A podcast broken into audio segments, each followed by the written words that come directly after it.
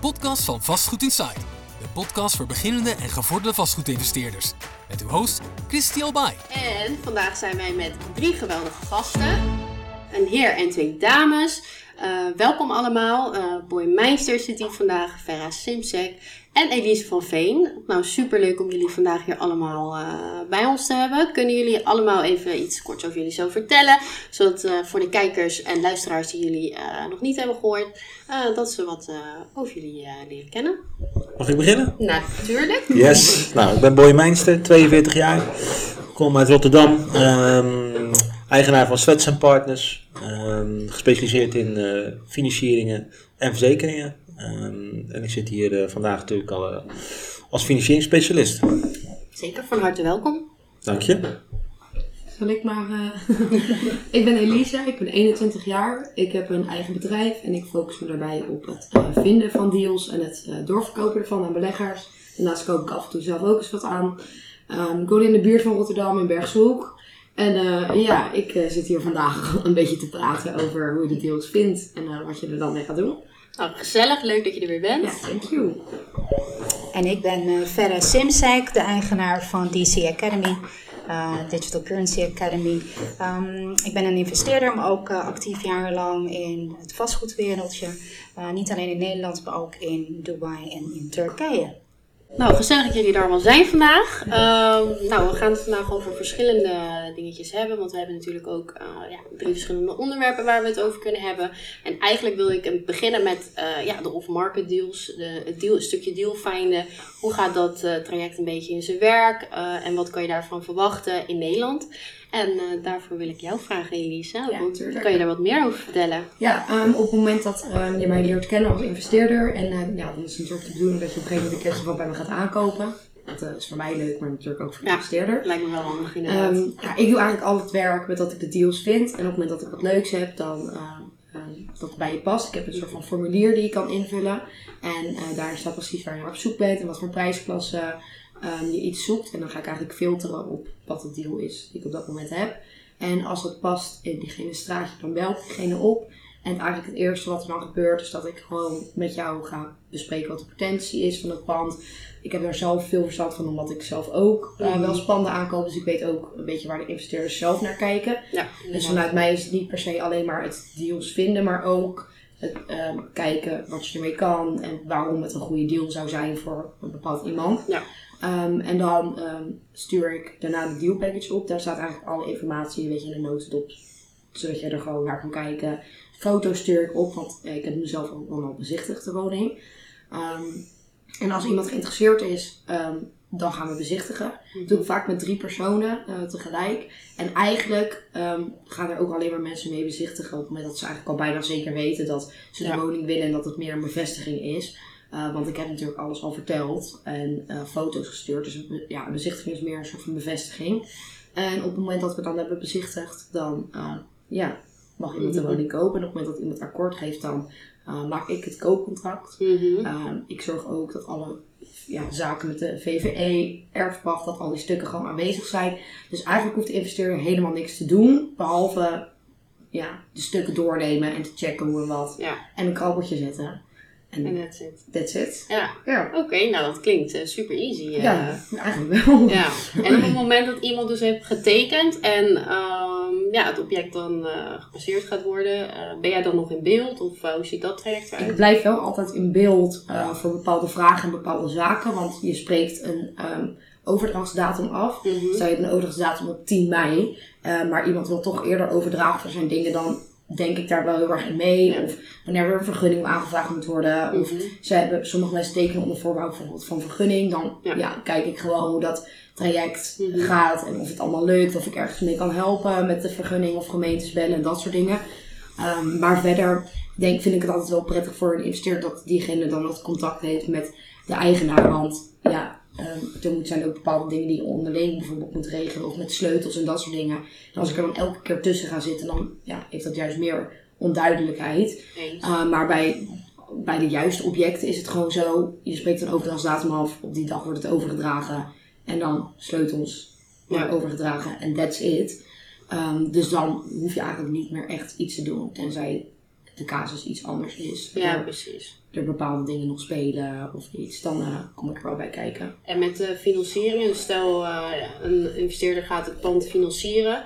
eh, ben je dan ook betrokken bij het proces? Of adviseer jij dan ook in... in eh, Ik kan in altijd adviseren, want op het moment dat er een bepaalde potentie zit in het pand. Mhm. En ik heb zoiets van, nou, met dit pand kan je dit doen of dat doen. Dan denk ik wel heel erg mee van, stel je, waar ik het vorige keer ook met jou Mhm. had. Stel je hebt dit pand en je moet ehm, verbouwen. Ja, Hoe ga je dat daar dan in meenemen? Ja. Dus dat bekijk ik al van tevoren. Maar ik ga niet daadwerkelijk het financieringstraject aan. nee. Ik kan iemand van tevoren adviseren van, nou, je moet zoveel verbouwen, je moet dit doen, je moet dat doen. Eh, het zit onder de marktwaarde. Als je 80% leent van een beleggingsbank, dan, eh, of hypotheek, dan kan je eventueel geld terugkrijgen. Of Mhm. dan zit je precies goed. En ehm, ik maak een analyse van hoeveel het pand waard is. Dus daarin adviseer ik iemand wel of laat ik zien wat de mogelijkheden zijn. Ja. Maar ik ga niet daadwerkelijk met diegene als een soort van hypotheekadviseur eh, dat hele traject aan met stukken aanleveren daarvoor. Daar ben ik niet van. Daar eh, ben Nee. jij iets meer van. Daar is Boy wat eh, meer van. Zeker. Dus misschien kan jij er wat meer over vertellen, Boy. Op het moment dat een deal is getekend. Nou, je hebt natuurlijk al een paar keer meegemaakt, ook voor klanten van ons. Die hebben dan Ja. een deal gekocht. Ja. Die komen dan bij jou eh, terecht. Hoe ziet dat traject eruit? En Ja. wat voor documentatie moeten ze eigenlijk allemaal aanleveren? Nou, het is natuurlijk wel zo, en dat, dat is over het algemeen ook hoe jullie werken, eh, hoe wij samenwerken. Is op het Mhm. moment dat je een opdracht krijgt van iemand, dat we het Mhm. op voorhand al gecheckt eh, hebben. Ja. hè. Dus voordat de deal daadwerkelijk gevonden is, hebben we eigenlijk al gekeken van joh, wat, zijn, eh, wat zijn de Ja, mogelijkheden dat is zeker. waar. eh, die er zijn. Ehm, die gesprekken, dat zou ik iedereen adviseren die een Mhm. dealfinder gaat gebruiken of een aankoopmakelaar. Van Ja. joh, ehm, laat op voorhand checken wat je mogelijkheden zijn. Ja, maar het is goed dat je dat aankaart, want Ja. dat had ik ook nog helemaal niet genoemd. Ja. Dus op het moment dat wij inderdaad met een belegger eh, gaan samenwerken of bijvoorbeeld een één op één coaching traject doen, dan Ja. komen ze altijd als allereerst bij jou, boy. Ja, om het ja, gesprek ja, aan te gaan. Ja, Zodat wij ook weten Ja. van, want wij nemen natuurlijk ook een adviserende rol aan. ja. Van ja, wat kan wel en wat kan niet. Nee, maar zeker is voor alle partijen eh, aan te raden. Ook voor jullie natuurlijk op het moment dat je een, eh, Mhm. met een dealfinder werkt. Ja, ook jouw naam is eraan verbonden. zou Zeker. heel eh, slordig zijn op het moment dat je dat eh, adviseert. En dat de klant het uiteindelijk niet kan afnemen omdat Ja. ze het financieel niet voor elkaar krijgen. Ja, En ik zie ook in, ehm, ja, in de praktijk dat mensen die een dealfinder of een aankoopmakelaar gebruiken. Mhm. ehm, en eh, willen beleggen in vastgoed veel sneller succesvol eh, zijn met het vinden van een woning dan iemand die het zelf eh, eh, gaat proberen. ja, Ehm, maar er zijn dus diverse mogelijkheden. Er zijn eh, mensen die zeggen van oké, ik ben op zoek naar een stukje rendement. Ik heb cashgeld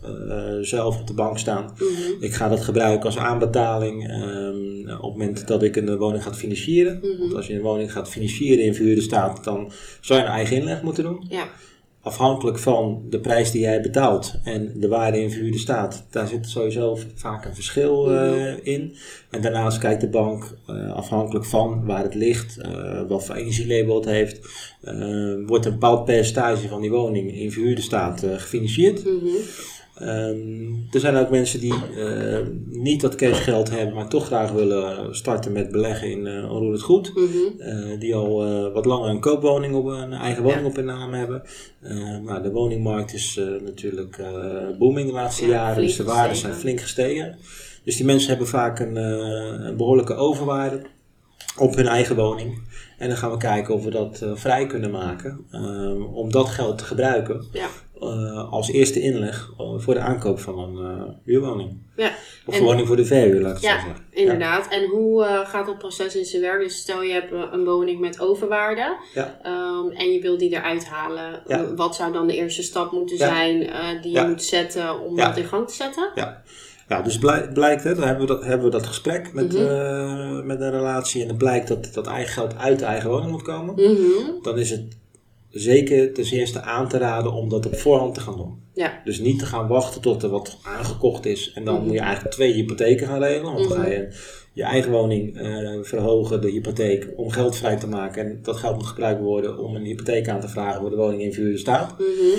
Dus ja, dat is het traject, eh, dat zou ik niemand aanraden. Dus Nee. het is verstandig om dat gelijk al, eh, als, die, als het duidelijk is dat dat Mhm. de wens is en dat noodzakelijk is om dat Mhm. op te starten. Mag ik wat vragen? Hoe lang Ja. duurt zo'n traject om, de overwaarde eruit te halen? Zodat je met twee hypotheken...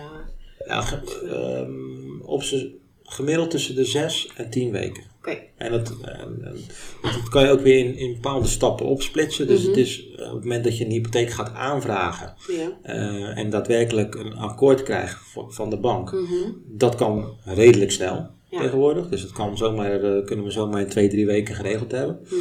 Dus op dat moment weet je zeker van oké, eh we vragen een hypotheek aan, het is uiteindelijk geaccepteerd. Dan weet je in drie weken dat je zeker dat je het geld krijgt. Ja.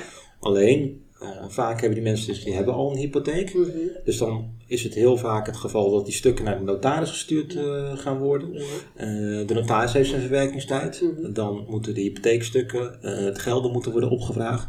Stel mensen sluiten hun hypotheek over om het op te hogen, gebeurt ook vaak. Ehm, dan eh, wordt er een aflosnota opgevraagd bij de bank, die vraagt ook weer twee weken. Dus Ja. je bent zomaar ehm, ja, zes tot tien weken verder. En de Ja. notarissen hebben het in deze tijd ook heel druk. Dus die, als je die vandaag belt, kan je ook niet morgen terecht. Dus daar moet je wel een beetje rekening mee houden. Maar Ja. je weet wel in ieder geval, binnen drie tot vier weken, laten we het het ruim nemen, weet je in ieder geval wel zeker van oké, het is eigenlijk wachten op het geld. Ja. Maar ik weet dat het beschikbaar komt. Maar het is rond, zeg Ja. maar. Alleen dan nog even wachten, omdat... De administratieve afhandeling. Ja, want er zitten natuurlijk meerdere schakels tussen. Elke schakel heeft het super druk. Ja. Dus die heeft gewoon wat tijd nodig. Dus wel goed dat we een indicatie hebben dat het maximaal 10 weken kan duren. Ja, ja, ja. Dat is wel belangrijk om te weten ook, want er wordt eigenlijk altijd in het vastgoed wel getekend zonder eh, enig voorbehoud van financiering. Ja. Als jij je eigen financiële situatie niet op orde hebt, of Ja. je moet ergens nog op wachten en je tekent eh, zonder een voorbehoud, wat gebruikelijk is, Ja. dat kan je echt een hoop geld gaan kosten. Want dat betekent gewoon dat je 10% boete moet betalen als je niet kan afnemen. Ja, En dat zorgt ook echt voor veel gezeik. Sommige mensen eh, die laten het gaan, maar als je iemand hebt die standvastig is, die wil echt 10% zien. Ja, waarom zou je het laten gaan? Ja. Als het kan opeisen, ja, dat ja, het uit maar sommige mensen die hebben hun financiële situatie toch niet op orde. Ik heb ook wel gemerkt dat, het, dat ik het voor mezelf ook belangrijk vind om daarop in te gaan. Ik snap dat voor veel mensen het een soort van persoonlijke vragen zijn. Maar ik wil wel gewoon weten ehm, wat iemands cashpositie is op het moment dat ik Ja. een deal aan je verkoop. Ja. Dat zet ik ook altijd wel in mijn, eh, in mijn formulier. Met de vraag van waar haal je het geld vandaan. Sommige mensen doen het dan met OPM, dus Other People's Money. Ja. Of eh, met cash, die hebben het op de bank staan. Ja. Andere mensen die Ja. zetten neer van ja, ik ben bezig met overwaarde opnemen. Of dat is al rond. Ja. Andere mensen zeggen nou ik doe het met een hypotheek, maar ik heb wel geld om extra bij te leggen. Dat is echt super belangrijk om te weten, want dat kan echt zoveel gezeik voorkomen. Ja, wat, wat ik dan ook nog wel eens tegenkom, en dat is wel even belangrijk om aan te kaarten, is als je zegt van joh, ik gebruik, de, hè, zoals jij het dan noemt, eh, OPM. Ja. Eh, other people's money, dan is het wel belangrijk op het moment dat je dan ook nog, hè, er zijn ook mensen die een combinatie willen doen, die zeggen van oké, ik pak een beetje eh, van iemand anders en ik ga een deel financieren. Ja. Dat is voor de bank vaak wel een no-go. Dus op het moment dat ze zien van oké, eh, ja, die eigen inleg komt ook, is ook eigenlijk nog eens geleend bij iemand anders, Ja. dan is de bank daar vaak niet, eh, heel blij mee. Dus, Want Nee, vaak- waarom niet dan eigenlijk? Ja, omdat het eigenlijk ook een lening is die daarnaast wordt afgesloten. Dus dan moet de financiële situatie van diegene wel eh, dusdanig zijn.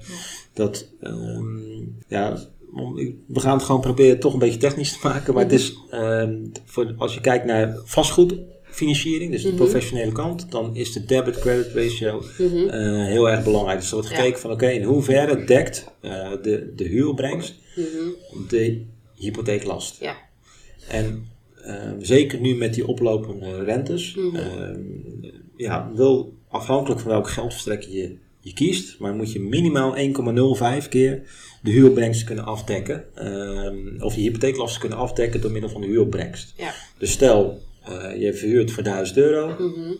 eh, ja, dan zou je, ehm, ehm, of laten we het andersom doen, de hypotheeklast is 1000 euro, Mhm. Ehm, dan moet de woning in verhuurde staat of de huuropbrengst moet minimaal 1050 euro bijvoorbeeld zijn. Ja. Op het moment dat je dus en een hypotheek afsluit en een deel gaat lenen, ja, dan moet die, dat in principe ook meegetoetst worden Ja. als een stukje lening. Ja. Dus ehm, daar heb je ook last aan. Ehm, en daarnaast, ja, ehm, kijkt de bank ook gewoon naar het totale plaatje van ja, hoe sta je ervoor, wat, hoe professioneel ben je. En ja, het zegt iets over de, ja, ik kom niet op het woord nu, maar ehm, ja, het zegt iets over de situatie en ik denk, niet- een bank is gewoon niet happig om er dan in te stappen. Snap ik. En als je het nou anders doet, stel je gaat zelf wel wat inleggen, zeg maar. En je hebt bijvoorbeeld een eh, soort van JV-constructie of afspraken in partnership. Dus dat je samen een object aankoopt. eh, Ja. En dat de ander bijvoorbeeld financiert.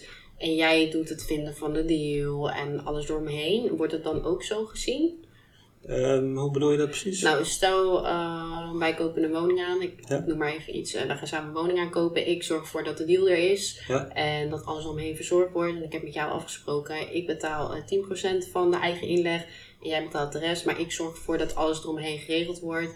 En Ja. jij eh, ja, hebt er eigenlijk Maar- geen zorgen aan en jij gaat ermee akkoord.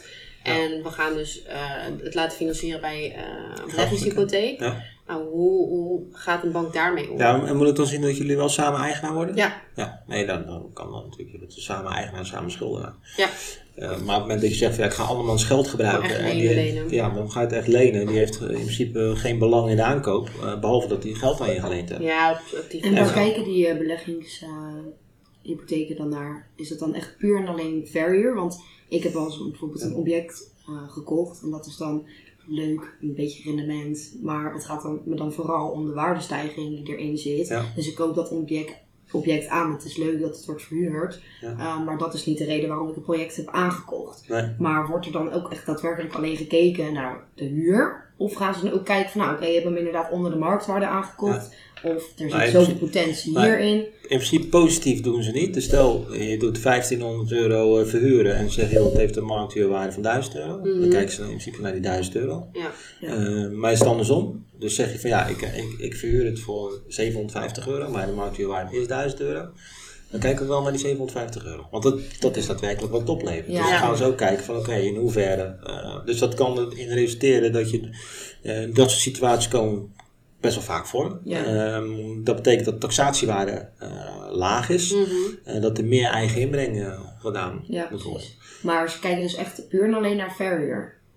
Eh, voor de verhuurhypotheek wel, hè, want het is ook wel belangrijk dat die, die financieringen waar ik me over het algemeen mee bezighoud, zijn mensen die voor de lange termijn iets aankopen. Ja. En op het moment dat je zegt van ik ga iets kopen om, om op te knappen, te verkopen, te flippen, daar zijn dit soort financieringen vaak niet op, die zijn daar niet voor bedoeld. En ehm, daar moet je ook vaak een exit fee betalen op het moment dat je zegt van ja, ik ga binnen een jaar of een half jaar of twee jaar verkopen. Ja. Ehm, ja, en dan moet je echt naar projectfinanciering. Eh, Ja. dat kan ook. En dan zijn de rentepercentages wel weer iets hoger van, maar dan heb je dat niet. Hoe hoog zijn die projectfinancieringen? Eh, nou, pin me er niet op vast op dit moment, maar eh, zeker 5%. 5 procent. Ja. Ja, dat En is dan is het 80, 80 procent. Hoeveel procent kan je dan lenen? Ehm, een stukje minder, eh, afhankelijk van het project. En dat is echt Ja. altijd maatwerk. Dus er wordt gekeken van ja, eh, wat, wat voor project gaat het? Gaat het eh, om, om een nieuwbouwproject? Gaat het om een vernieuwbouw? Hè? Zie je ook veel dat oude Mhm. appartementen worden opgekocht door projectontwikkelaar en die dat dan gaan opknappen. Maar dat zijn ook de financieringsaanvragen die over het algemeen, die komen niet bij mij terecht. Nee, precies. Dat zijn Die mensen die er ook echt veel geld, eigen geld in moeten leggen. Plus veel rente moeten betalen. Ja, ik, ik, ik, ik financier in principe alleen mensen in privé. Ja. Eh, en geen een projectontwikkelaar kan ik niet op een goede manier helpen. Dus die verwijs ik door naar een andere specialist. Oké. Ik hoor jullie beiden zeggen hoge rentepercentages, 5%. Maar ik vind het op zich heel erg laag als je kijkt, één, naar inflatie. Twee, ehm, als je naar het buitenland kijkt, een voorbeeld Turkije, dan betalen mensen 30 tot 35 procent op jaarbasis. Ja. Als zij een woning, hè?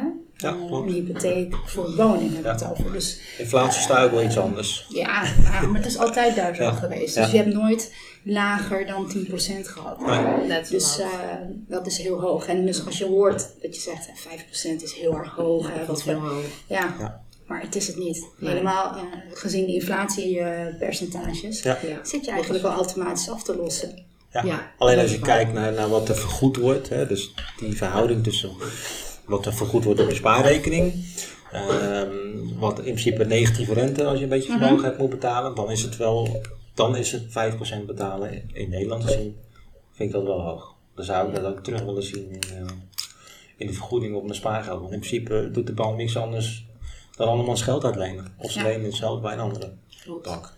Ja, nee, ik vind 5% inderdaad wel hoog. En als je bijvoorbeeld kijkt, als je nu eh, zijn de rentes dan eigenlijk verdubbeld. Mhm.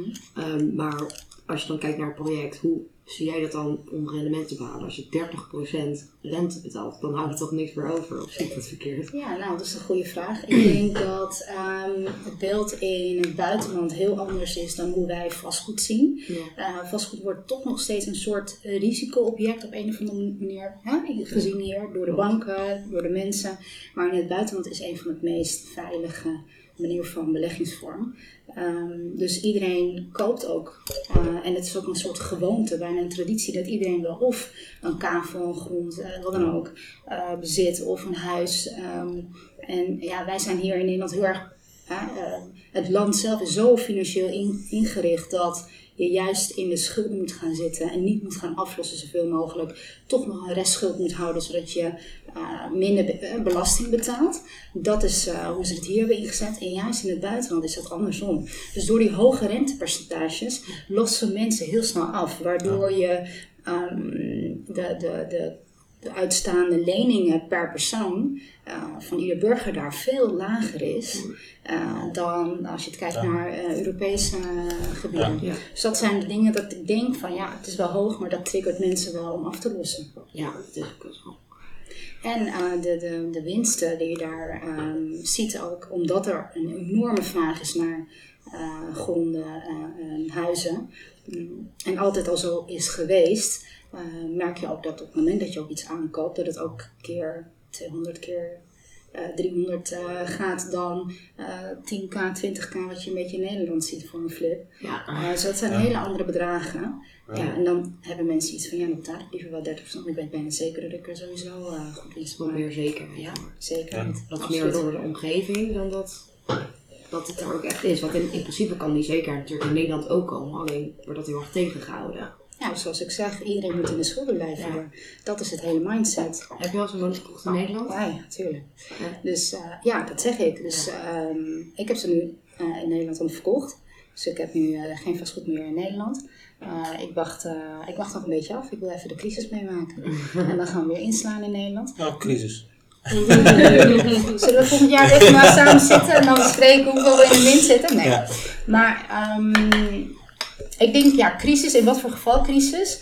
Je zal denk ik zeker niet eh, percentages van 20, 30 procent gaan zien. Dat verwacht ik zelf ook niet.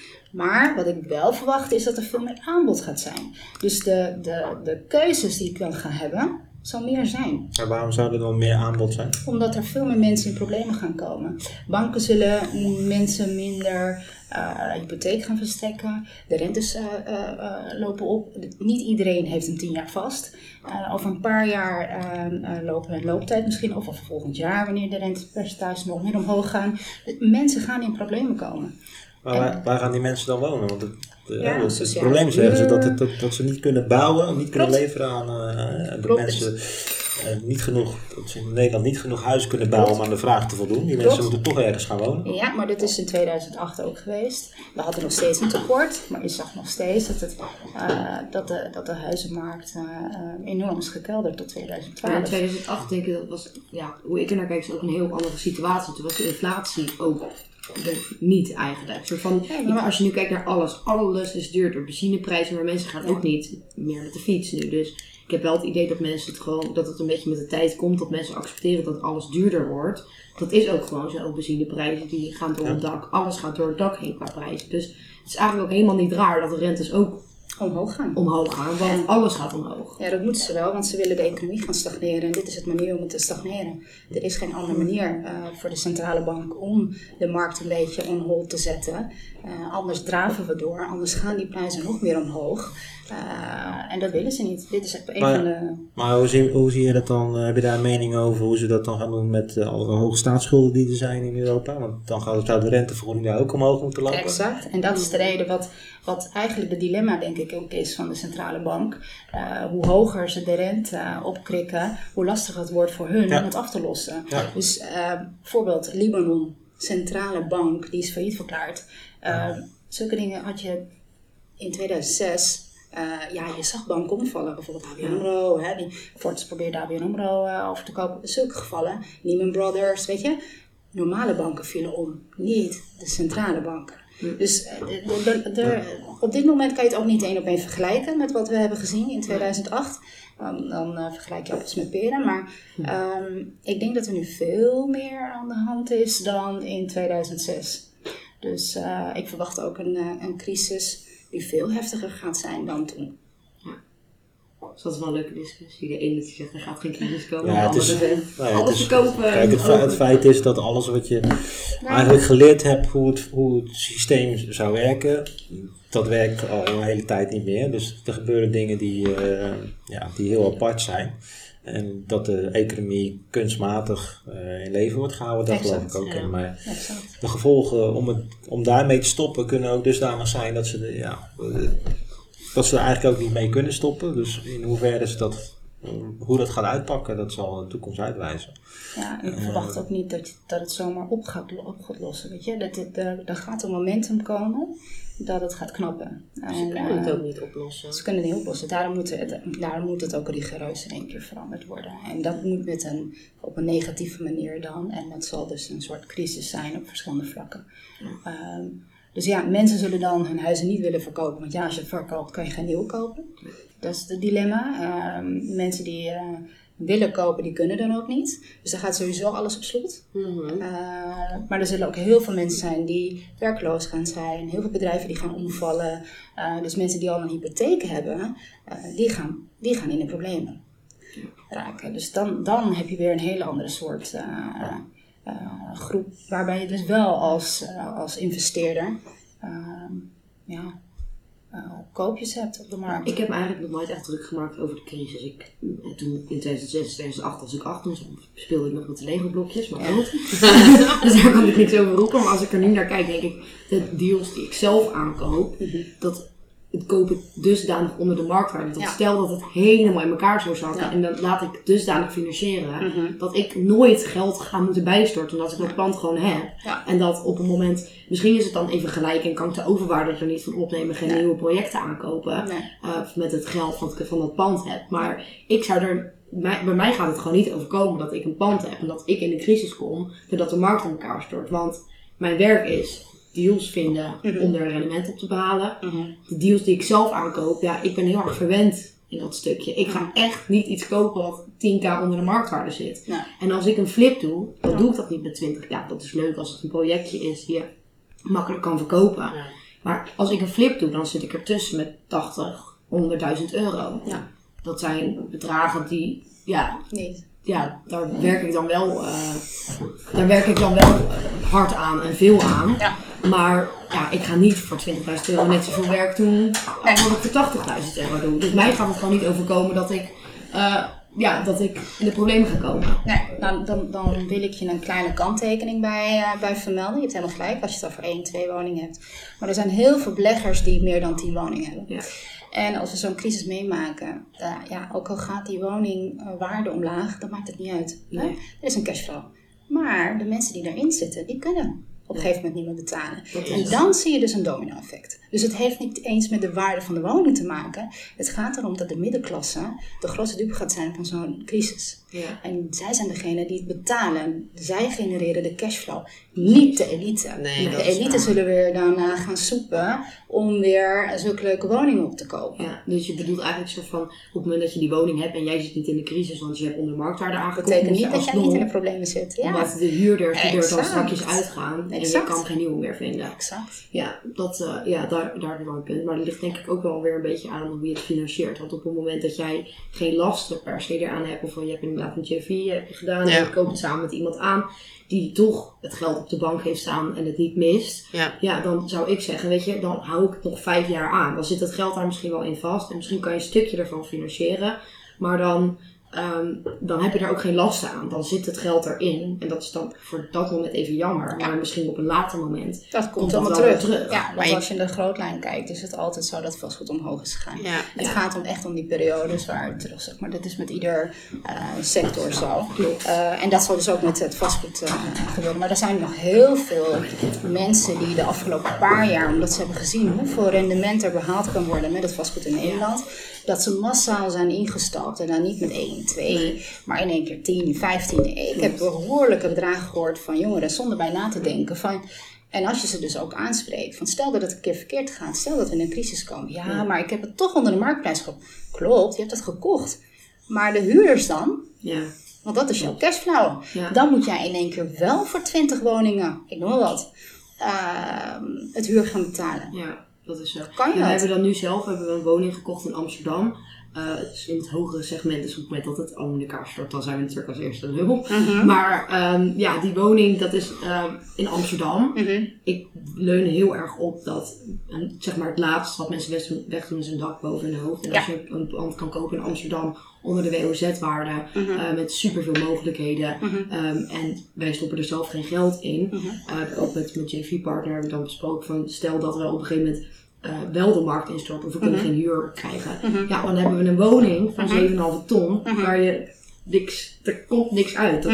Maar ja, Ja, dan, dan heb je wel een woning in Amsterdam en Ja. dan kan je het aanhouden. Dus ik let er wel echt heel erg op dat op dat ik wat aankoop, dat ik een plan A, B, C, Exact. D, E, F, G Exact. heb. Ja. Eh, en dat je ook nadenkt van stel dat het in elkaar, inderdaad in elkaar gaat storten. Ja. Komen dan in problemen, ja of nee? Ja. Nee, nou dan kan je het aanhouden. Al hou je het nog tien jaar aan en ga je het daarna weer verhuren. Ja. Jammer dan. Helemaal eens. Het is ook heel erg mooi hoe je het vertelt, wat, eh, wat deal, tenminste jij dan als dealfinder, Ja. hoe jij te werk gaat, hoe je denkt. En juist namens je klant denkt en niet eh, denkt van hé, ik, eh, ik, krijg- ik, ik verdien een leuk eh, percentage mee Ja. of een bedrag ermee. Ehm, als ik jou vergelijk met ehm, eh, in het buitenland, hè, de makelaars daar, dan heb ik Ja. het daar niet eens over dealma- eh, deal, deal, dealmakers, maar echt makelaars. Die gaan niet eens zo ver. Nee.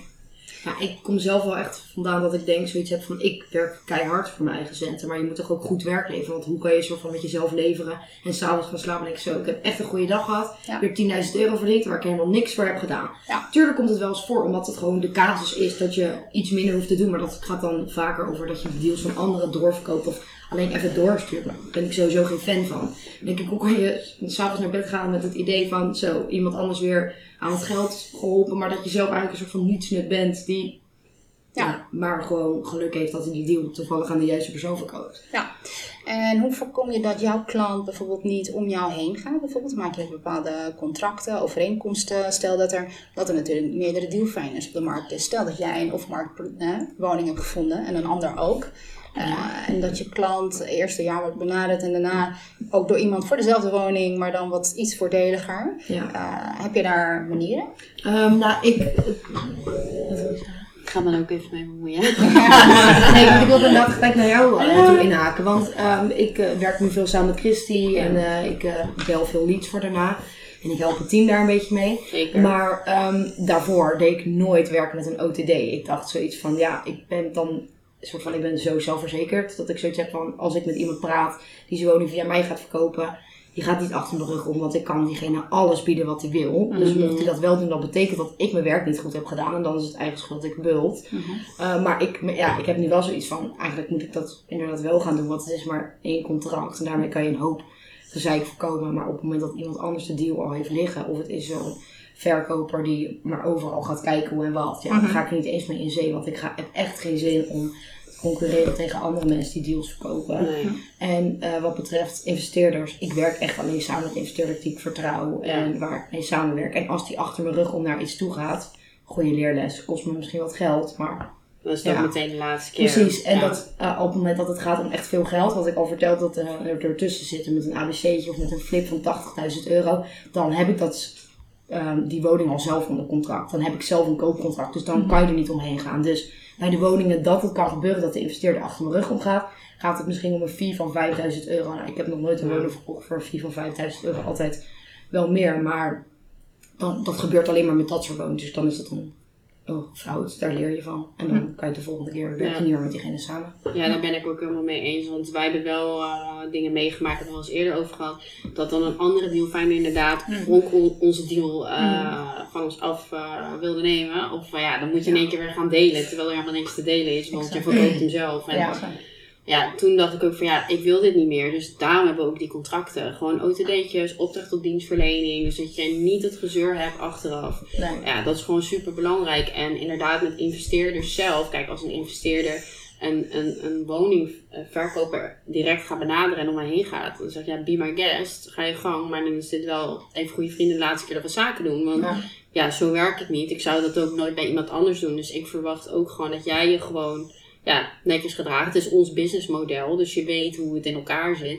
Ja, als jij om een paar duizend euro bijvoorbeeld een hele zakenrelatie op het spel wil Ja. zetten, ja, dan moet je dat lekker doen. En ik denk Ja. dat jij daar ook precies hetzelfde in staat. Klopt, ik sta daar precies hetzelfde in. En vooral in het vastgoed, er zijn mensen die zijn heel erg van het snelle geld en elke Ja. duizend euro telt. Maar met die mensen zou ik sowieso niet zo snel in aanraking komen. En als dat gebeurt, dan is dat echt een foutje. En dan zat ik even niet lekker in mijn vel of zo. Want ik werk gewoon niet samen met dat soort mensen. Verkeerde benen Precies.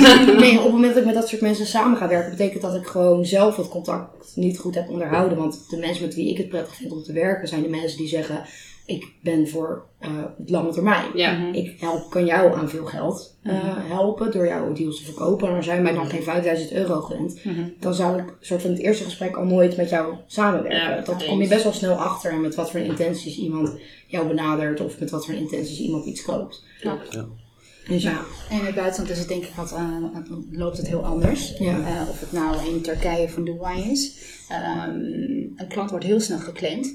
Ehm, eh, en stel dat ehm, de eerste makelaar die klant heeft gesproken, een paar woningen heeft laten zien, maar die klant, de klant heeft toch geen deal gesloten met die makelaar. En die eh, loopt naar een andere makelaar en die vindt daar wel een woning. Nou, dan gaat de eerste makelaar er naartoe en die zegt, ja, eh, dit was mijn klant. Dus ehm, Ja. eh, zoals in Turkije bijvoorbeeld, dan zit je soms wel met drie, vier deelmakelaar. Drie eh, weet je. tussen mensen. Ja, Mm. en het gaat heel erg snel. Eh, dus daar ehm, hoop ik ook dat daar ook een heel snel een, een verandering eh, gaat komen. Eh, en dat ze echt met contracten beginnen te tekenen. En ja, beter voor iedereen. ja, maar je merkt ook dat verkopers als kopers daar ook niet contracten willen tekenen. Dus, ze worden, dus die, de, makelaars worden ook een beetje gedwongen om zonder contract eh, te gaan werken. Dus dan krijg je zulke eh, dilemma's. Ja. Ja. Dat, ja, eh, wat ik ook heb begrepen is dat ze bijvoorbeeld in Dubai, want daar zijn we nu ook actief voor onze investeerders, werken ze ook heel veel eh, met direct on the spot closen. Ja. Dus het is niet zo, je komt even kijken en je denkt er even over na. Nee, je bent hier nu, dus hier is het contract, hier is het payment plan. Ja. Tekenen maar. Ja, want ze het weten op het moment, ja, Ja. eh, wat, wat, eh, wat weer in Dubai is, er is heel veel aanbod. Ja. Ja. Er is zoveel aanbod en er zijn zoveel sales mannetjes en vrouwtjes. En die zijn er allemaal heel goed in. Dus die- ze zijn heel erg belangrijk op het moment dat zo'n warm lead, want het is een warm lead, Mhm. die bijna wat closen, die, die denkt, ik, ben- ik ga nog even een paar andere projecten zien. Ja. Nou, op dat moment komen ze dus met die spot-on deals. Ja, Met, meteen. als je nu tekent, dan krijg je 10% korting. Als je nu tekent, dan is er geen overdrachtsbelasting. Alsof je een deeltje gaat komen op de Ja, markt. zo van, eh, ja, precies. Maar dat is het manier om die klant. Eh, Dat is toch weer extra rendement. Ja, maar daar is dus ook meer aanbod. Dan kan je dat maken. Zo van, als je het Ja. nu tekent, dan ga ik je Exact. vandaag nog meenemen naar drie. Exact. Dat kan, ik, dat kan ik niet doen. Dat kan ik niet zeggen. Ik kan je 1000 euro korting geven op Ja. een 4 van 5 Ja. van 5k. Ja. Nou, dat vind ik al, als ik dat dan moet doen, vind ik het al triest. Dan koop ik hem nog liever zelf. Ja. Ja. Als ik je 1000 euro korting moet geven op een 4, dan denk ik, nou, ik koop hem wel niet. Nou, ik moet heel eerlijk zeggen, als iemand, ik heb wel eens gehad dat iemand mij ging afdingen op, op de fee. Maar ik heb gewoon gezegd, je wordt het gewoon niet. Ik zei, ja, eh, voor jou tien anderen, het is allemaal leuk en aardig. Maar als jij mij iets niet gunt, ja, dat, dan, ja, waarom zou ik jou dan wel die deal gunnen? Want het is gewoon een goed rendement. Ik kan hem in principe ook gewoon zelf aankopen. Er zit overwaarde. Ik kan zeg maar meer waarde eruit halen. Dus ik gun jou iets. En jij gunt Ja. mij dan, wil je met mij gaan onderhandelen over mijn Mhm. verdiensten? Mhm. Nou, dan even goede vrienden, maar dan eh Het denk is je vaak om een principe kwestie in het vastgoed. Ik heb vaker meegemaakt met, met bepaalde casussen dat het een soort van, ja, gewoon een vies spelletje is het soms. En dat ze dan, uiteindelijk kan je hem, ik had, pas, ik had een keer iemand en die, ach, dat was een topdeal. Het was echt perfect. Hij wilde hem zo graag hebben, maar iemand die had iets tegen hem gezegd of die deed een beetje moeilijk, ging altijd links, rechts springen. Toen heeft hij gewoon gezegd, ik hoef hem niet meer. Hij kreeg 20.000 euro korting op die deal, omdat ze hem aan hem wilden verkopen. En hij zei, ik hoef het niet. Maakt me niet uit. Hij zegt, hier heb je een vriend van me, laat hem er maar op verdienen. Gewoon een principe kwestie. Daar ben ik wel, Mhm. eerst dacht ik van ja, het gaat om geld, lekker belangrijk. Maar nu denk ik wel echt van, liever geen geld, maar dat ik gewoon relaxed ben en met de juiste mensen samenwerk, dan dat ik eh, ja, een ton verdien op een woning. Ja, dat is leuk geld, maar het gaat echt om principe vaak. in het Ja, ja, nee, dat is waar. Dat heb ik ook wel af en toe met sommige deals. Dat je denkt van ja, het is allemaal wel leuk en aardig. Maar ja, de spelletjes die dan gespeeld worden, dan uh, ik voel me daar dan uh, heel uh, stom gezegd dan te goed voor. En denk Ja, van ja, zoek het me lekker uit. Ja, Uh, en dan uh, zien we elkaar wel weer een ander keertje. Daar ben ik het helemaal mee eens, inderdaad. Ja, dus ehm, nou, heb je zelf ook wel eens deals zelf vinden in het buitenland? Of Ja, ja, ja, ja, ja. Ja, dus zoals ik zeg, daarom merk ik ook, en dan zie ik ook heel veel verschil, of het nou in Dubai is of het in Turkije is, Ja. eh, ten opzichte van Nederland. Nederland is veel beter geregeld. Ook kadastraal, hè, je hebt een notaris. ehm, en eh, de makelaars die onderzoeken het heel erg goed hier. Ehm, en in bijvoorbeeld Turkije is dat een heel ander verhaal. Ja. Eh, moet je gewoon niemand geloven. Liefst gewoon een advocaat in de hand. Eh, zelf beter. ook grondig onderzoeken. Uh, ieder regio is weer heel anders. Ieder gemeente heeft weer andere wetten en regels. Dus er zijn zoveel dingen wat erbij komt kijken. En als je een nieuw persoon bent die in, eh, in een buitenlandse markt of naar Turkije, Dubai, eh, Spanje, maakt niet uit. Ja. Ik denk dat het belangrijkste is dat je echt een goed marktresearch doet. Snapt hoe, hoe het land in elkaar zit, hoe het werkt. En waarom kies je dan voor om ook veel daar te doen? Als het soort van Rendement. veel meer... Alleen echt puur veel, alleen veel rendement. meer rendement. Ja, Oké. veel, veel hogere cashflow, uh, waardevermindering ook. Hè?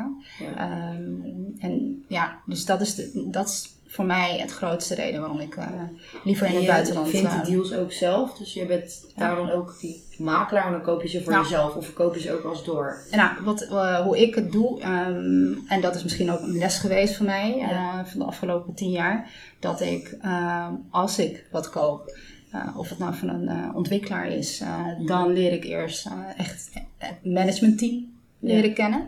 Uh, zie ik andere projecten, bestaan ze lang, weet je, van die dingen. Mhm. Uh, dus ik doe echt goed research en dan koop ik zelf aan en dan pas kan ik anderen aanbevelen. Dus uh, ik, ik beveel ook niet zomaar projecten of huizen aan derden. Uh, ik ga mijn vingers niet branden. Uh, dus ik, ik test ze zelf eerst even uit. Dus dat is wel een van de dingen.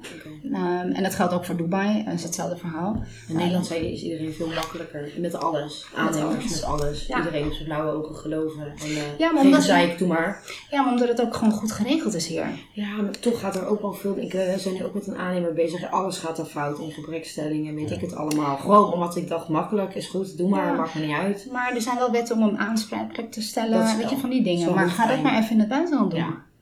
Dus dat is, dat, is, uh, dat is een traject apart. En daarbuiten, wat ik zeg, hè, cashflow generatie. Ja. Uh, qua verhuur, dan moet je wel een goed betrouwbaar persoon hebben die je daarachter kan laten, die het voor jou gaat doen. Want je bent niet in het buitenland, tenminste, in mijn geval. Ik ben altijd uh, voornamelijk in Nederland. Ik, ik reis er vaak naartoe. Mhm. Maar het verhuur laat ik natuurlijk aan hun over. Ja, dus een betrouwbare verhuurpersoon of, of, of bedrijfje vinden is ook een klus. Christy. Ja, Christen moet ik even implementeren uh, ja, graag, alsjeblieft. We Uh, kunnen kopiëren. ons- Ja, ik ons... eh, Trek jij even naar het buitenland. Mhm. Voor, geen probleem, dat doe ik wel hoor. Ja, er zijn wel bijvoorbeeld in Dubai heb je wel heel veel uh, verhuurbedrijven die niks anders doen dan Management daar is goed, hoor. Ja, is goed. Maar ze pakken enorm veel rendement zelf. En Ja, dat merk je. eens. Uh, wat ze ook vaak doen is, uh, kijk, je, je, haalt de hoogste rendement uit als je weekly base of seizoensbase uh, verhuurt. Ja. Um, Rental, rental. Rent, ja, bijvoorbeeld ja, in Turkije kan je voor drie maanden het hoogseizoen, als je dat verhuurt, heb je soms wel meer en hogere inkomsten dan dat je een jaar lang aan iemand verhuurt. Ja. Want hè, zomerseizoen, iedereen gaat naar het buitenland, grote gezinnen willen liever in privé, villa's. Um, afgelopen paar jaar met het hele COVID, uh, hotels waren dicht. Iedereen wou juist hè, met familie samen zijn, niet in een hotel zitten. Uh, dus huizen, vrijstaande woningen, waren heel erg gewild. Ja. Um, dus je merkte ook aan, aan de vraag. Ja, dus dan heb je liever dat je uh, drie maanden aan uh, zulke personen verhuurt, Ja. dan dat je het een jaar lang uh, dat een fix fee ervoor krijgt. Maar het is wel minder zekerheid, want je hebt een soort van. Als je iemand een jaar erin hebt zitten of je hebt een contract, Ja, dan die zeker dat diegene een jaar erin zit. Maar als je bijvoorbeeld is rent to zo. rent doet, je moet betalen, je moet iets huren en dan hoop je maar dat hetgene wat je huurt, dat dat ook weer teruggehuurd wordt. Oh, rent to rent heb je het nu over. Ja, maar ik, Ja, ik heb maar dus over aankoop. Ja, als je rent-to-rent doet, dan heb je inderdaad zo'n probleem. Dan kan je het misschien liever aan een verhuurbedrijf al geven, die op voorhand al een heel portfolio heeft met, eh, met klanten die dan Ja. eh, meteen volgeboekt wordt. Maar als je het zelf koopt, eh, helemaal in het buitenland, eh, ieder warm land, ik zou eerder aanraden niet op jaarlijkse basis eh verhuur, tenzij het hele hoge bedragen zijn die je in één keer krijgt. Ja. Dat is een ander verhaal. Maar ehm, liever gewoon ehm, zomerseizoen of de hoogseizoen van het Ja, land precies. desbetreffend en dan vuren. Want je merkt in zulke landen ook, ehm, als er, eh, weet ik veel, bijvoorbeeld in Dubai afgelopen Mhm. half jaar was eh, Expo 2020. Nou, dan zag je Mhm. dus een enorme stijging van de huurprijzen daar. Ja.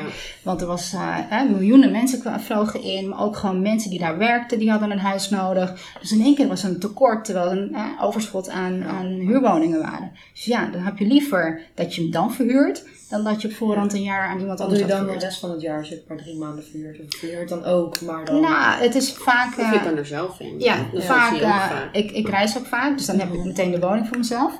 Ehm, eh, maar als ik hem voor drie maanden huur, dan heb je al meer dan van een jaar binnen. Dus je bent er helemaal niet uit. Nee. Dus dat is wel zo. En je woning wordt minder eh, gebruikt, laat ik zo zeggen. Dus heeft kortere duur. Ja, is. Eh, is toch anders dan dat iemand een jaar lang zit en je hebt geen idee wat er gebeurt in je woning. Ehm, en dan kom je na een jaar weer binnen en dan denk je, oh my god, de hele huis moet opnieuw eh, Ja. geverfd en eh, gedaan Als worden. iemand op vakantie is en voor drie maanden, dan gaat dat niet gebeuren. Want Nee, iemand zit Snap daar. je? En wat je, Leuk. exact. En wat je ook merkt met de zomer, mensen zijn vaak buiten. Ja. Dus ze zijn heel weinig thuis. Eh, en als ze thuis zijn, ook, dan eten ze zelfs buiten. Ja, dus zelfs precies. de keuken wordt minder gebruikt. Ja. Eh, voornamelijk de tuin en de zwembad. Dat is wel iets goeds om eigenlijk altijd in de gaten te houden. Want wat jij net zei over die expo. Ja. ik heb ook eens meegemaakt bijvoorbeeld in eh, Frankrijk. ehm, dat alles wordt duurder op het moment dat er bijvoorbeeld iets is wat, waar veel mensen naartoe komen. Als je op dat moment zo'n woning hebt daar, dan kan je echt, weet ik het, hoeveel, hoeveel prijzen vragen. Ja. Aan de andere kant, nu is de expo klaar. Ja, nu niks. Maar er zitten nu wel heel veel Russen in eh, Dubai. Dat is door begrepen. bijvoorbeeld deze hele oorlog. Ja, Ja, heel veel Russen kopen daar nu Ja. aan. Ja. Echt gekhuis. Maar wat dus in Dubai bijvoorbeeld heel interessant is om momenteel te doen. Maar ik moet wel even een goede disclaimer bij zeggen. Want dit geldt niet voor alle projecten. Klopt. Het geldt echt alleen voor Legit, echt goeie. legit goede projecten. Dus dan moet je echt de juiste partners, de juiste ja. mensen hebben. Dus er wordt nu heel veel geflipt. Ja. Dus je koopt iets aan met een payment plan. Eh, en binnen x aantal maanden is, je, is de waarde van het project zo erg gestegen dat je het kan doorverkopen. Dus stel je koopt een project aan met een payment plan van x aantal jaar. Je eerste jaar betaal je, eh, stel het is een pand van, ik noem even wat, 6 ton. Je betaalt 60, 70k betaal je aan het eerste jaar. Ehm, en dan zit er al bijvoorbeeld een waarde op, terwijl het is er nog niet. Het is nog niet gebouwd. Maar omdat er zoveel vraag is naar dat object of naar dat complex, eh, heeft het al meerwaarde gekregen. Dus je kan dan soms je appartement al doorverkopen op papier voor een ton meer. Klopt. Maar ook weer een disclaimer daarbij. Ehm, heel veel investeerders doen dat. Dus ze kopen bijvoorbeeld een heel vloer van zo'n tower. Ik Klopt. wat. Ze kopen dus een heel, heel vloer en dan zitten daar, weet ik veel, tien appartementen. Maar het kan wel, want als je, goed, als je het juiste netwerk hebt, de juiste mensen die je op tijd informeren over bepaalde projecten, dus dat het echt nog in verkoop moet, dus dat het nog niet is een beetje off-market zeg maar, Mhm. Ehm, ja, dan kan je op tijd instappen en dan kan je daar echt leuk verdienen. Ja, dat is met alles zo in het vastgoed. Op het moment dat je de markt niet kent of je wilt geen risico nemen, eh, inderdaad een hele grote disclaimer. Want zomaar iets tekenen en Nee, denken dat je het kan nee. flippen voor 100k, Nee, dat, gaat, precies. dat kan echt niet. Want de markt kan in één klap veranderen. En dan heb je drie, tien appartementen waarbij je denkt, oké, ik moet nu wel af gaan lossen. Want Ja. eh, het tikt aan. Op het moment dat je ook niet kan betalen, dat is ook weer iets in Dubai, eh, zelfs je aanbetaling gaat weg. Dus alles kunnen ze weer zeggen van ja, jij bent niet aan de voorwaarden. eh, Ja. Dus eh, die, die appartement is nu eh, in de verkoop.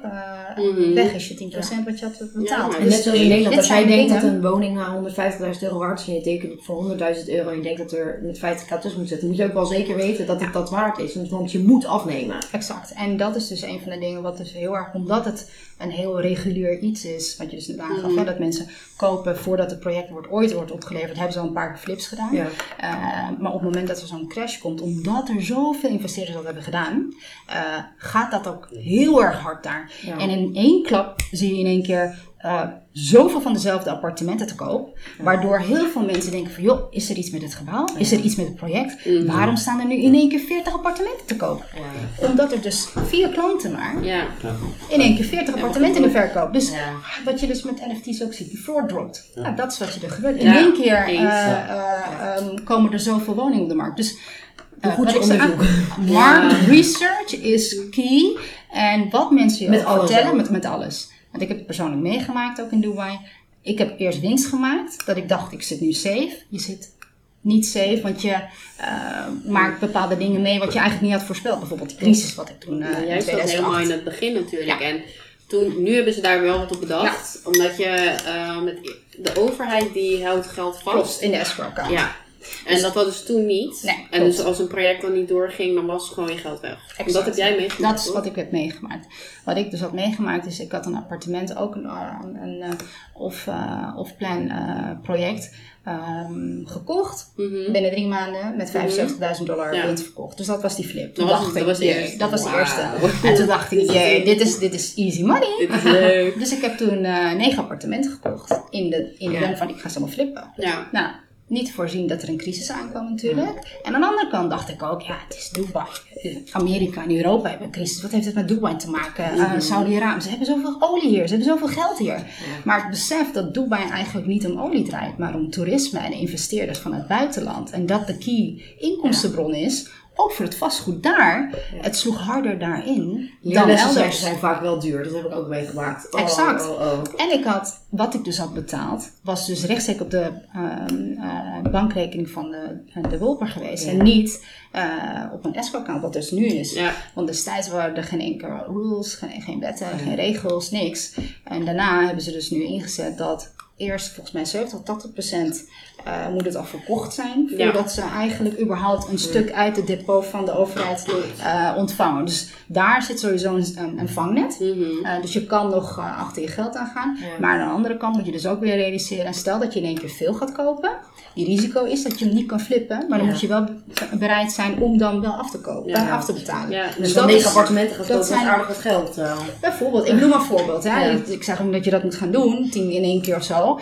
Maar... eh, Maar gewoon beginnen met kan. Twee. Ja, ja, dus gewoon een kleine stap is altijd beter dan in één keer dat je er hard in gaat. Aan de andere dan kant, fouten maken, dat hoort erbij. En je leert het En daar meest leer je van zeker fouten. Maar je van. moet wel uitkijken dat de fout die je maakt, waar je van leert, niet Ja. je kop gaat kosten, zeg maar. Absoluut. En wat ik dus ook heb gemerkt met eh, het verschil tussen Dubai en Turkije. ehm, eh, de inkomstenflow van Dubai is veel lager. Dus de huurinkomsten is Mhm. veel lager Ja. dan, in, eh, in- dan in Turkije.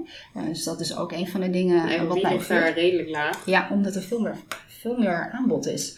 En niet alleen dat, maar de mensen die, je hebt daar veel investeerders ook, hè, maar het Ja. zijn echt elite, elite investeerders die daar zitten. Ja. Dus voornamelijk belastingtechnisch dat ze gewoon hun geld willen parkeren. Exact. Dat is wat ze om. daar doen. Exact. Dus het is niet alleen maar van, oh ik wil daar rendement Ja. krijgen. Nou, ze zijn er blij als ze een beetje rendement krijgen, maar mijn geld zit in stenen. Het Ja. is safe, Ja. laat maar lekker daar staan. Ja. Dat is Ja. vaak de Dat de insteek van Ja. investeerders die daar veel kopen. Exact. Gaat het ook niks opleveren, dus kan je het inderdaad beter in stenen zetten. In, nou, Vaak moeten mensen of betalen. Ehm, ja, dat is dan in Nederland. Ik- En elite zit ook wel vaak in landen hè, wat Ja. belastingtechnisch heel erg voordelig is. Ja, Ja. Daar is allemaal over nagedacht. Absoluut. Tuurlijk. Absoluut. Ga nu doen. Oké guys, ik eh, vond het een hartstikke leuke podcast zo. Ja, gezellig. Zo spontaan. Ja, Echt hè? zeker. Ja, we, zouden, we zouden eigenlijk, ehm, leuk voor de luisteraars om even te, te horen, we zouden eigenlijk eh, ja, aparte podcasts doen. Dus ik eh, met Elise en met eh, apart. Maar we dachten het is wel leuk en gezellig om het met z'n viertjes op te pakken. Dus met z'n viertjes een podcast te houden. Dus het is een hele mooie mengelmoes geworden van superleuke topics. Dus we hebben het ook natuurlijk gehad over een stukje dealfinding, een stukje en over het buitenland. Dus dat is wel super tof. Ehm, nou ja, ik heb natuurlijk wel al de vragen mogen stellen aan Boy ehm, en aan Elise, de persoonlijke vragen, maar nog niet aan Verra. Oh, Dus Ver, ik ga ze aan jou stellen. tel me. Ik ga ze er eventjes bij pakken.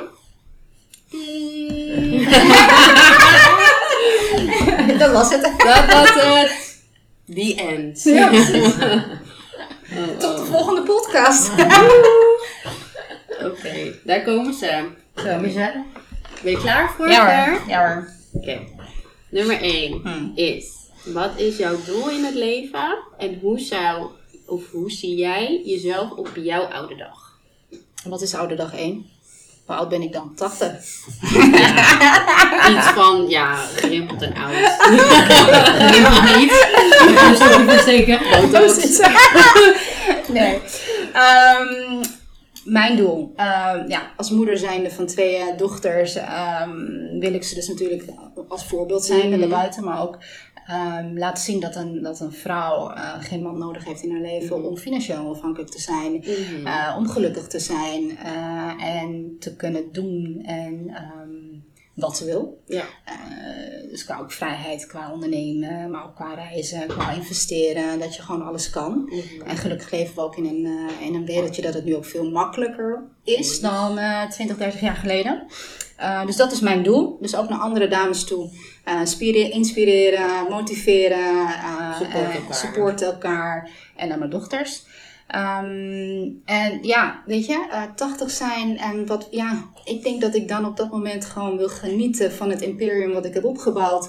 En liefst dan samen met mijn dochters. Dus dat ik dan iets heb waarbij we eh, met mijn dochters en ik eh, een- echt een imperium hebben opgebouwd. En ik kan zeggen, nee, ik laat het Super achter. tof. Ja. En hoe zou je dan je dag omschrijven? Dus stel je wordt wakker en ja, hoe, wat doe je op zo'n dag? Nou, ik hou van warm weer. Dus ik zou zeker eh, of in de, eh, de wintermaanden in Dubai zitten en in de zomermaanden in Turkije. Wat ik nu ook probeer te doen. maar jammer genoeg iedere keer terug moet komen naar Nederland. Nee. Ehm, ik denk dat ik gewoon lekker wakker word. eh, toch vroeg, want ik ben best wel een vroeg persoon. Ehm, even het zwembad in. Lekker chillen. Lekker eten. Mm. Lekker genieten van familie en vrienden om me heen. En, shisha aan het eind. Als ik 80 ben, wat ik dan ga Dus ik ben nog steeds met een. eh, ja, ik denk dat er heel andere dingen. Of misschien in de metaverse, hey girl. Dus eh, Ja. dat ik in de metaverse even de kleinkinderen zie. En dat ik ze daar opval. Zo, nee, dus dat, dat, is, eh, dat is ook muziek. Ik ben heel rustig, gewoon peaceful, heel veel natuur. Dat is eigenlijk waar ik naartoe wil. Ja, klinkt goed.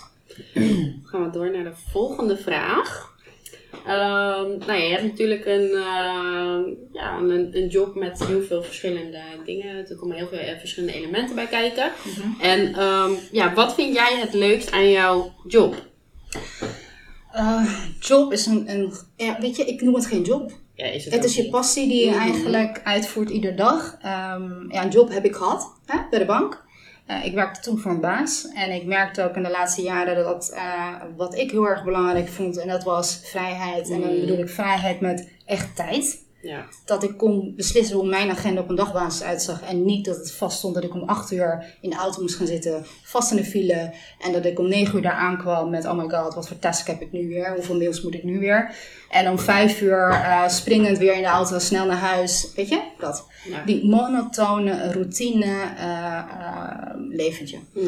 Ehm, en reizen. Dat, is, dat, is, dat was voor mij heel erg belangrijk. Dus, en dat is denk ik ook wat ik nu doe. Ik, ik hou van wat ik doe. Mhm. Ehm, ehm, en zo richt ik mijn agenda op dagbasis in eigenlijk.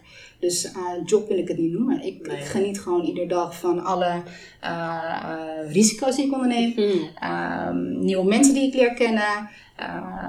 Leer veel van anderen. Dus ja, Ja. Dat, leuk. is, eh, dat is hoe ik Volgens mij zegt iedereen iets van de file, dat soort dingen, 9 tot 5. Ja. Ja, maar ja, dat, dat- was wel een van de dingen dat Ja, gewoon Want ga je ook vast... niet ondernemen. Nee, Nee. nee, nee. Dat is En- niet zo van Ja, bedrijf. eh, ik was wel bekend op school bijvoorbeeld van de kinderen dat ik altijd wel een smoes had om ze eerder weg te halen voor de vakanties. Eh, want ik hou van reizen en ik, ik had altijd wel een reden om ze nog een week langer te houden in Turkije of Dubai. Of ik kwam met de auto en de koffers waren in de bak en ze waren om drie uur vrij hè, in de middag en dan renden ze in de auto en we reden door naar Schiphol. Dus zo was het, Ja, want ik wou zo snel mogelijk weg. Je hebt gelijk. Heerlijk. Heb ik nog één vraag voor je, Ver. En dat is, eh, wat is jouw meest waardevolle les die je hebt geleerd? Ehm, en dan van de afgelopen twaalf maanden. Wat is een mooie les die je wil meegeven aan de luisteraars? Ehm, ik denk dat, en dat is misschien wel ook weer persoonlijk, ik ben wel een persoon die heel snel eh, vertrouwt. Mhm. Dus eh, dat is misschien een les die ik keer op keer jammer genoeg weer, weer Mhm. meemaak. Ik moet het denk ik wat, als je dus afspraken maakt, Mhm. of nou met klanten zijn, of met investeerders, of zakenpartners, dat je het gewoon zwart op wit moet zetten. Eens. En voordat je je tijd besteedt. Mhm. Eh, en ik denk dat ik te snel ben en te gul ben. Mhm. Eh. Ehm, en dat eigenlijk passeer, waardoor je eigenlijk, terwijl ik hele goede intenties heb, Mhm. eh, gebruikt wordt. Mhm. Ehm, en dat is dus denk ik wel een les die ik eh, zeker nu veel bewuster Mhm. mee omga en probeer af te remmen. Dat ik soms denk, oké, nu ben je weer heel erg enthousiast. Yo, wacht even. Eh, zet het eerst vast. Is het zeker rond? Ja, dan, eh, dan draaf door. Ja, Dus dat is denk ik wel een les voor mezelf en ook voor anderen. zeker. Ja, als ik voor mezelf mag spreken, heb ik deze les ook eh, moeten leren. Ja. Dus eh, ik snap helemaal waar je vandaan komt. Maar dat is een eh, mooie les voor de luisteraars. Ehm, nou, ik wil via deze weg dan de podcast gaan afsluiten. Ehm, als iedereen nog even aangeeft waar jullie te vinden zijn, online of uh, hoe mensen jullie kunnen bereiken, dan uh, kunnen we de podcast afsluiten. Nou, mij kan je bereiken op Instagram, Vera Simsek van mijn naam, website dcacademy.world. Mij kan je bereiken op uh, swets.nl. Um, dat spel je met S-W-E-R-T-Z.nl. Mij kan je bereiken op Facebook, LinkedIn, Instagram, Elise van Veen. En mijn website is enjvastgoed.nl. Ja, enjvastgoed.nl. Oh, kijk, toppie. Um, ik zal uh, van iedereen even een linkje in de bio zetten van, van de omschrijving zodat, uh, ja, mochten jullie een financieel adviseur zoeken, die jullie kan helpen bij het financieren van een woning, dan kunnen jullie terecht bij Boy Meinster. Mochten jullie op zoek zijn naar pand, dan kunnen jullie terecht bij Elise. Mochten jullie wat meer willen verdiepen in cryptocurrency, dan kunnen jullie natuurlijk niet de DC Academy missen. En dan spreken we jullie en zien jullie snel weer. Ciao, ciao! Nogmaals bedankt voor het luisteren van onze podcast. Vind je onze podcast leuk? Laat dan een review achter. Of wil je meer over ons weten? Volg ons dan op Instagram via @matchpropertymanagement en @christialbae. De podcast wordt mede mogelijk gemaakt door Match Property Management en Match Wonen.